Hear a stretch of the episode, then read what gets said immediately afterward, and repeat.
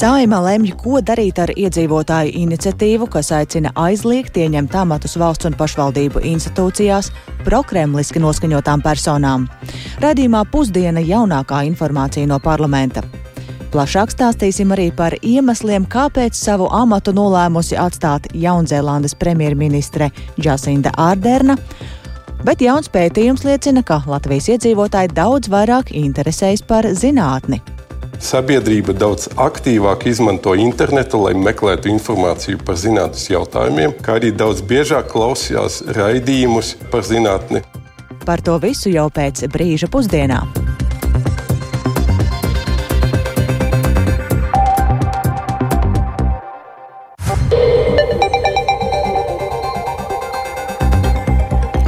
12,5 minūtes. Laiks ziņu raidījumam pusdiena ar plašāku skaidrojumu par šodien, 19. janvārī, notiekošo studijā Dācis Semenovičs. Labdien! Saimnes komisijās vērtēs vairāk nekā 13 tūkstošu Latvijas pilsoņu parakstīto kolektīvo iesniegumu aizliegt ieņemt amatus valsts un pašvaldību institūcijās prokremliski noskaņotām personām. Tā šodien lēma parlamentārieši, pirms tam par to plaši debatējot, un eh, debatēm līdzi sekoja arī kolēģis Jānis Kīncis. Sveiks, Jāni, atgādini, kas ir prasīts šajā iniciatīvā.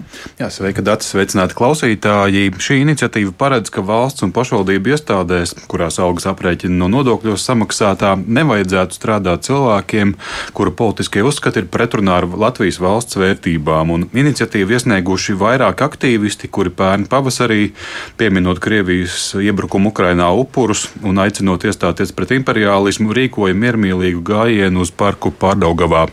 Vairāk nekā 13,000 cilvēku parakstītajā iniciatīvā prasīts steidzami izstrādāt un pieņemt likumu par Latvijas valstī nelojālu personu izraidīšanu no Latvijas kā arī izstrādāt likumu, kas aizliedz kandidēt valsts, pašvaldību un Eiropas parlamenta vēlēšanās, ieņemt ierēģu amatus un amatus valsts un pašvaldību institūcijās un to struktūru vienībās personām, kas atbalsta Krievijas īstenoto agresiju pret Ukrainu. Iniciatīvas autori ir uzsvēruši, ka šāda prasība jānosaka ne tikai augsta līmeņa amatpersonām, bet arī dažādu citu statusu darbiniekiem valsts un pašvaldības iestādēs. Un ko deputāti par to debatēs sacīja? Tie tautas kalpi, kur uzstājās šajās debatēs, pauda atbalstu šai iniciatīvas rūpīgai, bet ātrai izvērtēšanai saimnes komisijās. Dep deputāts Viktors Valēns no Zaļo un Zemnieku savienības atgādināja vienu no galvenajiem iemesliem, kāpēc šāda iniciatīva tapusi. Savukārt Nacionālās apvienības deputāts Aleksandrs Kirsteins eh, pieminēja citu efektīvu veidu, kā risināt valstī nelojālu cilvēku problēmu. Paklausīsimies viņa teikto. Ja nebūtu Eiropas parlamenta deputāta Tatjana Ždanoka ar saviem izteicieniem no Eiropas parlamenta tribīnes, mums nebūtu šāda sabiedrības iniciatīva šodien šeit saimānam jāskata.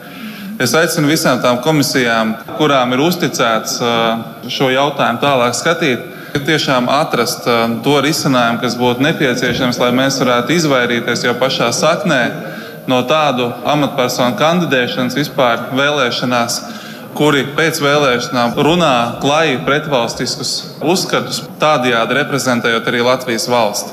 Faktiski ir daudz efektīvāks līdzeklis, kas saucās pilsonības atņemšana. Ja jūs paskatīsieties likumā par Latvijas pilsonību, tur ir teikts, ka pilsonība ir jāatņem cilvēkiem, kas karo ienaidnieku armijā vai propagandistiski aicina atbalstīt kādu agresoru valsti, kas ir iebrukusi mums draudzīgā valstī, un ne tikai sadarbojoties militāri vai spiegojot, bet arī sniedzot propagandistu atbalstu. Šeit atgādināšu, ka līdz ar pērnu rudenī pieņemtajiem grozījumiem Eiropas parlamenta vēlēšanu likumā citātā minē, minētā Tatjana Ždanoka no Latvijas Krievijas Savienības nevarēs atkārtot kļūt par Eiropas parlamenta deputāti no Latvijas.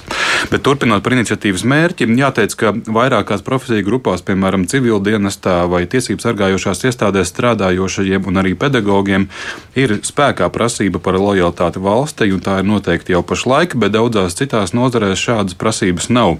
Un, lai nesāktos raganu, gan medības saimai būs jānosaka skaidri kriteriji un rīcības modelis eh, valstī nelojālu cilvēku identificēšanai un turpmākajai rīcībai. Tas, izsk tas izskanēja gan tikko saimas debatēs, gan uz šo jautājumu iepriekš. Saimnes mandātu ētikas un iesniegumu komisijā norādīja arī valsts drošības dienesta priekšnieka vietnieks Ēriks Cinkus. Īsi paklausīsimies arī viņa teikto. Droši vien ir jāiet divi šie strateģiskie ceļi. Viens ir jāmēģina pilnveidot normatīvo regulējumu, lai tiešām iestrādātu tajās nozarēs, kur tā šobrīd regulējuma nav. Bet otrs ir jāatrod veids, kādā pašas institūcijas vienkārši šo instrumentu sāk reālajā dzīvē, dzīvē daudz aktīvāk darbināt. Vēl piebildīšu, ka minētās iniciatīvas nodošana skatīšanai vairākās saimnes komisijās balsojumu atbalstīja te jau visi klātesošie deputāti, bet pret balsoja vienīgi frakcijas stabilitātei pārstāvji. Paldies Jānim Kīncim par ieskatu šodien saimā lemto, taču Par ko lemj Rīgas dome, un par to ir gatavs stāstīt kolēģis, kurš pievienojas studijā Viktors Demīdovs. Rīgas mēra algu ir plānots palielināt par 2,5 tūkstošiem eiro, bet domas deputātiem vismaz par 600 eiro. Par šiem un citiem jautājumiem šodien spriedīs Rīgas domas finanšu un administrācijas lietu komitejā, kuru lems arī par šī gada pašvaldības budžetu, kur ienākumi varētu augt straujāk par izdevumiem. Un tātad vairāk Viktors Demidovs. Viktors saka, Kāpēc domniekiem algas varētu pieaugt tik būtiski? Jā, sveicināti. Es pieļauju, ka tas varētu būt, um, ka tas varētu radīt neizpratni daudziem Latvijas radio klausītājiem, bet uh, teikšu tā, ka to ļauj īstenot valdībā un saimā pērn pieņemtā atlīdzības reforma, un ņemot to vērā, amatu uh, kategorijas uh, sadalās. Um, Tātad amati sadalās pa kategorijām, un, piemēram, zemākajiem amatiem alga šogad drīkst būt robežās no gandrīz 550 eiro līdz 800 eiro, bet augstākajiem amatiem no 3900 līdz 6400 eiro. Šogad kā bāzes mēneša alga valstī noteikti 1140 eiro, un atkarībā no ieņemamā amata tad piemērojas koeficients. Piemēram, saimas priekšsādātājiem un premjeram koeficients ir 7, tātad viņu alga šogad ir ir gandrīz 8000 eiro. Rīgas mēram Mārtiņam Staķim tik augsts koeficients nav plānots, taču neatkarīgi no tā viņa alga varētu pieaugt par 2,5 tūkstošiem eiro un kopumā sasniedzot 6400 eiro. Viņa vietniekiem, tātad Vilnim Čirsim no jaunās vienotības, Edvardam Ratniekam no Nacionālās apvienības Latvijas reģiona apvienības kopīgā saraksta un Lindai Ozolai, varētu pieaugt par 2000 eiro un par savu darbu tātad nopelnot 5,3 tūkstošus eiro. Alga būtiski palielinās arī parastiem domas deputātiem, kuri iespējams pelnīs vismaz par 600 eiro vairāk, jeb teju 2000 eiro. Viedokli par šo iespējamo algu kāpumu jautāju politologam Filipam Rajevskim un teikšu, ka viņš pret to raugās visai skeptiski, norādot, ka darbs pašvaldībā ir jāuzskata kā papildu darbs, tāpēc tik būtiski palielināt algas nebūtu pareizi, un tad lūdzu paklausīsimies viņa teikto. Viņam nevar pieiet eh, kā maizes darbam. Un tāda vienmēr bijusi likumdošanā noteiktā attieksme pret šo darbu. Tā radikāli ceļot algas un palielinot ienākumus, lēnā garā tas tiek eh, deformēts un tiek padarīts par maizes darbu, nu, veidos tādu pašu distanci starp viņiem un iedzīvotājiem, kā tā ir izveidojusies starp parlamentu deputātiem un, un cilvēkiem ierindās. Nevienlīdzība augsts, un ja mēs runājam no tāda teorijas skatu punkta, no e, teorijā politika zinātnē to sauc par varas oligarhizāciju, bet tā nav tāda, kā mēs parasti runājam par oligarhiem, bet mēs runājam par to, ka varas pārstāvis sev palielina ienākumus, palielina sev visādus bonusus, padara sevi ekskluzīvākus, līdz ar to pat tādas oligarhistiskas kastes pārstāvjiem, kuri jūtas stipri labāk nekā vispārējā vidējā sabiedrība. Jā, tālūk, norāda politologs Rajevskis. Jā, nu tas nozīmē, ka pieaugs arī tie kopējie budžeta izdevumi palielinot algas. Jā, protams, nu, ja mēs atkal runājam par tām deputātu algām, tad šogad no rīznieku kabatām aizies vairāk nekā 650 tūkstoši eiro. Taču, ja tieši vairāk pievēršamies budžetam, tad salīdzinot ar pagājušo gadu, šogad plānots, ka par 180 miljoniem eiro pieaugs pašvaldības ieņēmumi un uh, kopumā sasniedzot vairāk nekā 1,1 miljārdu eiro. Uh, tas ir saistīts ar palielināto iedzīvotāju ienākumu nodokli un um, arī vairāk naudas nāks no azartspēļu nodokļa. Bet uh, jāatgādina, ka šis vēl ir tikai plāns, un par to lems šodien komitejas sēdē, bet tas galīgais lēmums tad attiecīgi būs pēcāk domes sēdē. Paldies Viktoram Demīdavam. Mēs par šo runāsim arī turpmākajos ziņu izlaidumos un atgriežoties vēl pie algām. Arī citas pašvaldības ir līdzīgi lēmušas un ir jau pieņemta lēmuma, piemēram, plaša sabiedrības rezonants bija par algu paaugstinājumu Jūrmals domē, tāpat arī Jelgavā algas paaugstinātas un arī Rēzeknē. Tāpēc um, esam šajā brīdī sazinājušies ar kolēģi no Latgales studijas Ivetu Čigāni. Labdien, Iveta! Cik būtiski Labdien. un kam algas Labdien. ir palielinātas Rēzeknē?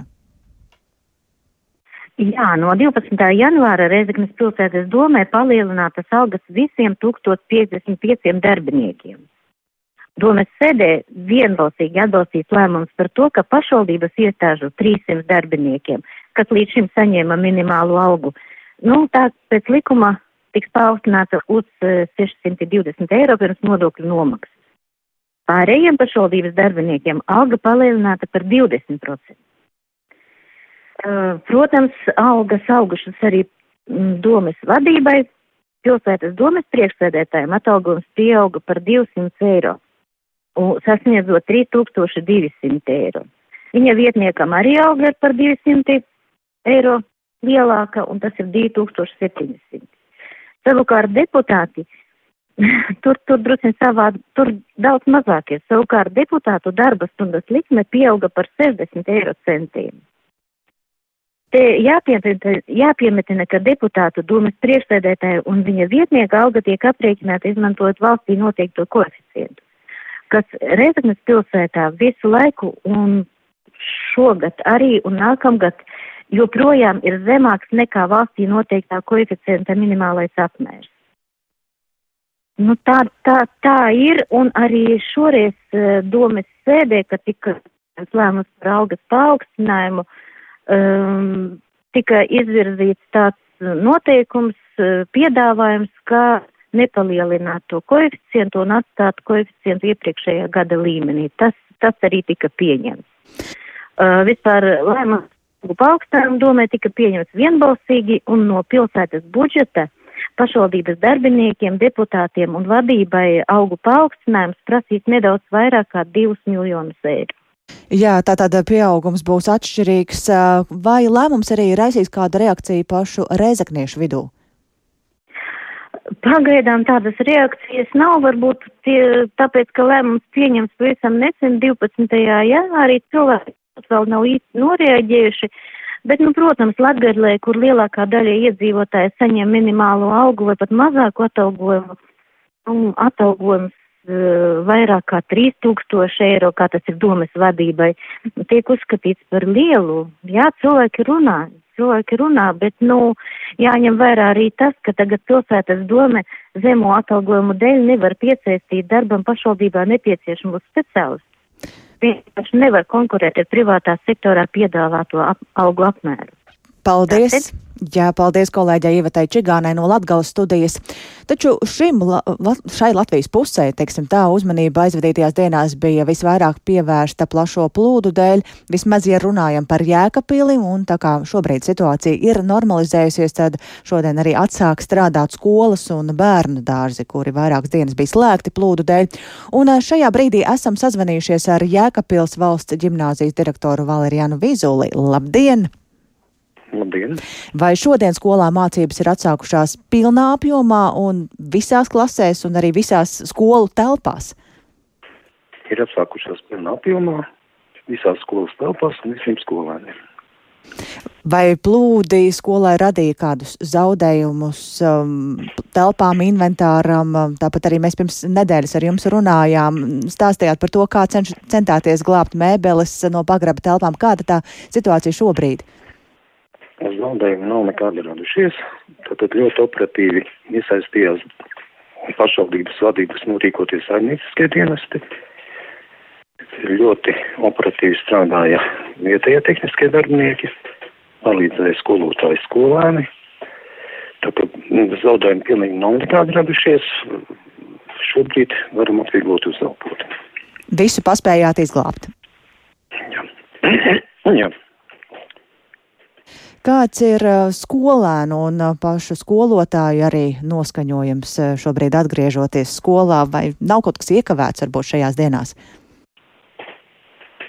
nu, noskaņojums liekas, liek visiem iedzīvotājiem ir kā piena pret nakti, jo galvenās bažas bija, lai upe neizposta daudz pilsētas teritorijas. Šobrīd, šobrīd tas šī brīža postījumi ir lieli, bet jūs jau zinat, ka tie draudi un riski bija nesalīdzināmi lielāki. Tā ka šobrīd noskaņojums visiem ir labs, optimistisks, jo situācija šobrīd ir salīdzinoši mierīga. Uh, un jūsu prognozes par tālāko, tātad, uh, ka pagaidām arī neko īpaši ne negatavojaties vēl. Esat atgriežušies arī mm, pagrabstāvos un, un, un, un, un viss ir ierastā ritmā. Viss ir ierastā Jā. ritmā un, un, un, un mums ir pieredze. Mm -hmm. Es domāju, domāju, ka mēs tiksim galā. Paldies! Nākošo situāciju. Paldies Jēkabils valsts ģimnāzijas direktoram Valerienam Vīzulim.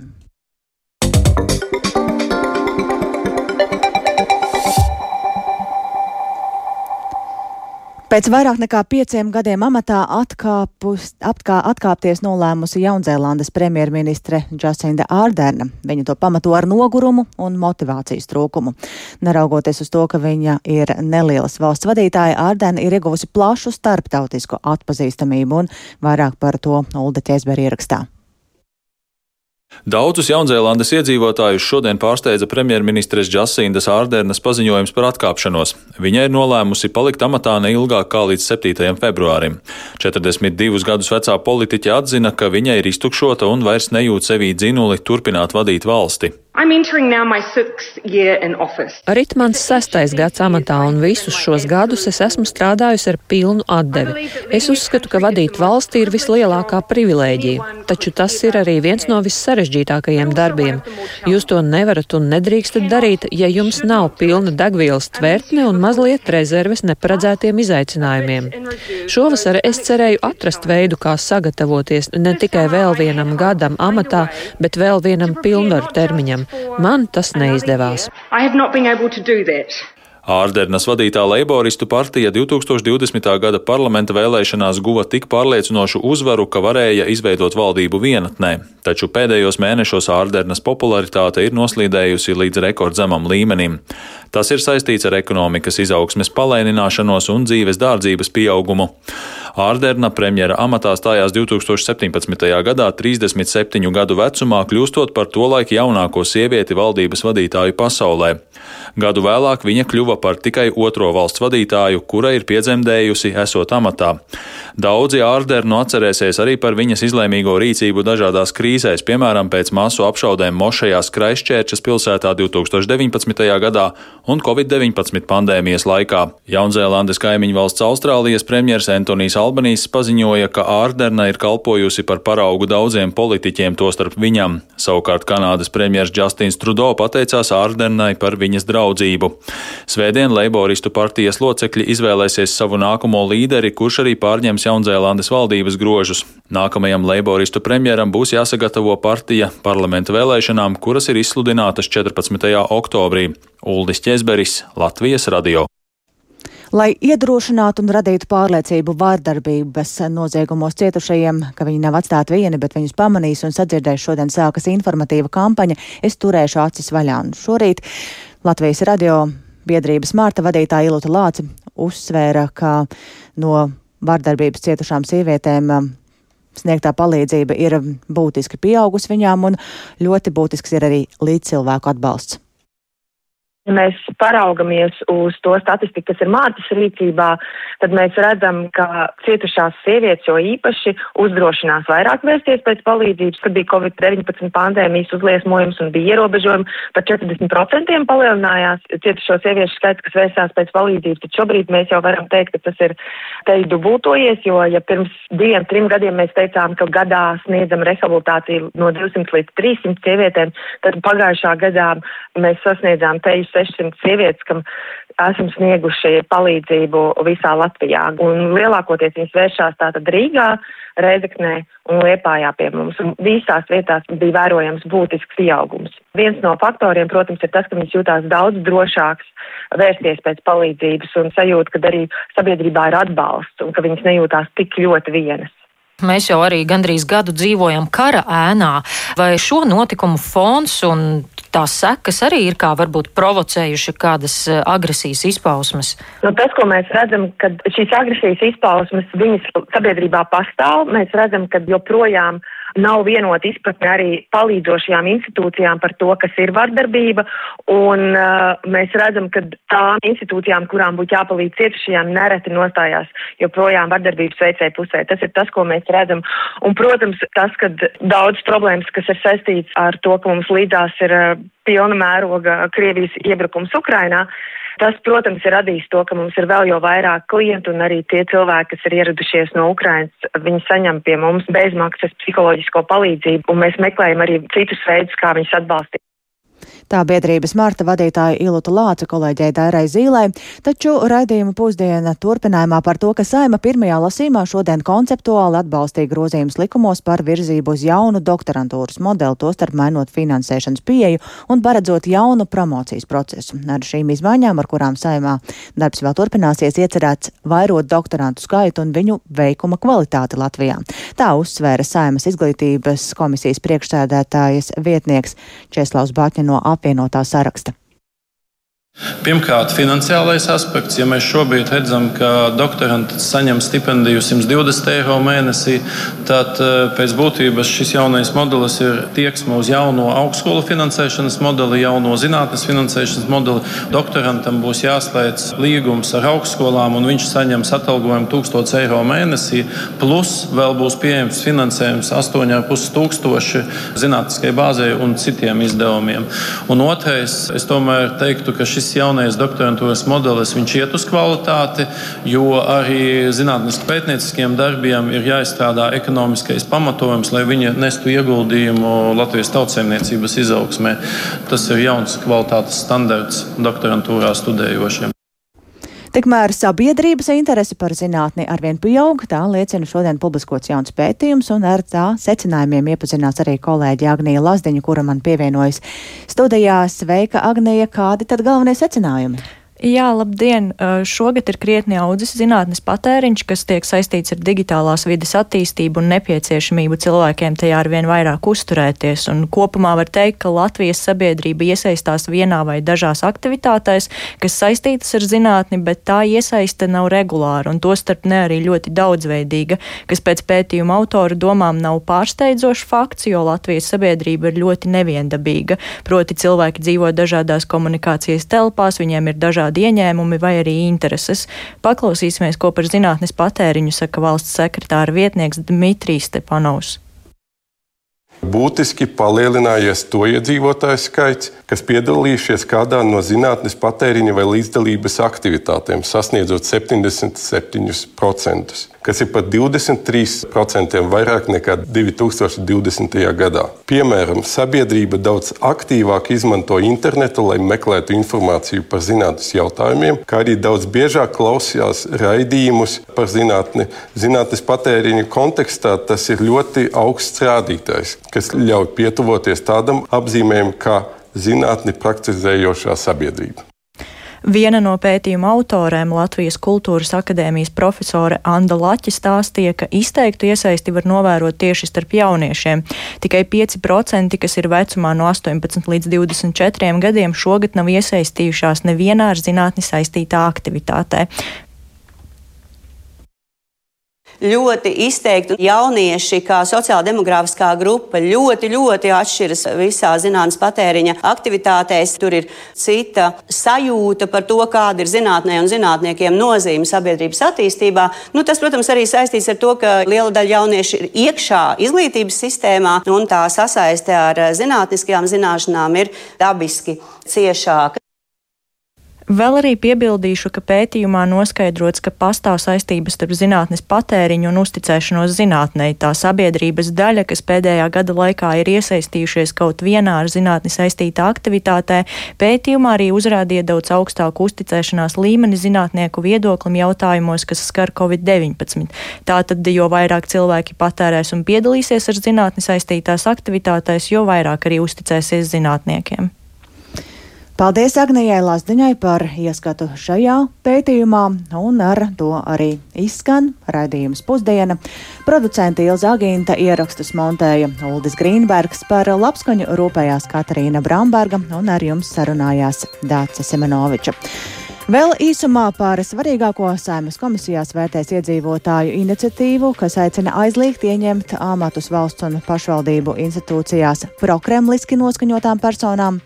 Amatu nolēmusi atstāt Jaunzēlandes premjerministre Jacinda Ardena, un uh, jauns pētījums liecina, ka Latvijas iedzīvotāji daudz vairāk interesējas par zinātni. Mums var sekot līdzi arī Latvijas radio, Latvijas radio sociālajos tīklos, tāpat arī sabiedrisko mediju ziņu portālā LSMLV un meklējiet arī raidījumu raidierakstu platformās.